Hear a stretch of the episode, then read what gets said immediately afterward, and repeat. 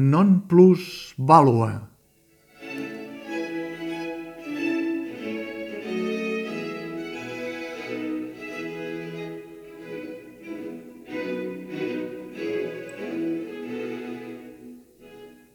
Els llatins en deien non plus ultra, punt i final. D'aquí no passem. Uns quants anys després, uns quants només, el Tribunal Constitucional espanyol ha dit non plus value, que ve a ser el mateix, però s'ha salvat amb salut. Non plus value, però els que ja han pagat no tenen dret a reclamar.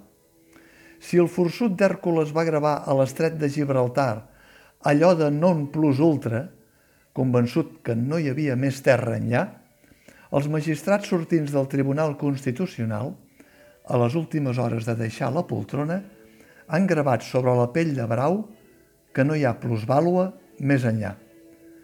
Però sempre hi ha qui no es creu el lema llatí ni la llegenda d'Hèrcules i no s'està de signar amb nom plus ultra marques de productes de consum, xampanys, licors, vins, assegurances, i fins i tot matalassos. I també hi ha qui agafa el rave per les fulles, com va fer l'emperador Carles V, que li va treure el non i ho va deixar en plus ultra, és a dir, més, més enllà.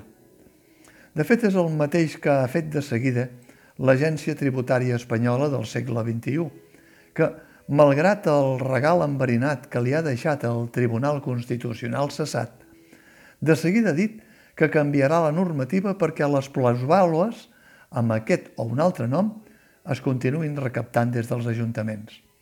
La plusvàlua estat, és, i tot fa pensar que continuarà sent, un dels impostos més injustos, perquè no només recalcula sobre el que cadascú ja ha pagat sobre el valor del terreny, any darrere any, per un valor augmentat que sovint no és real, sinó que, en comptes de castigar els especuladors, castiga els innocents hereus per defunció d'una propietat, ni que siguin hereus de primer grau, cònjuges o fills, per exemple, amb uns barems que sovint els costen un ronyó.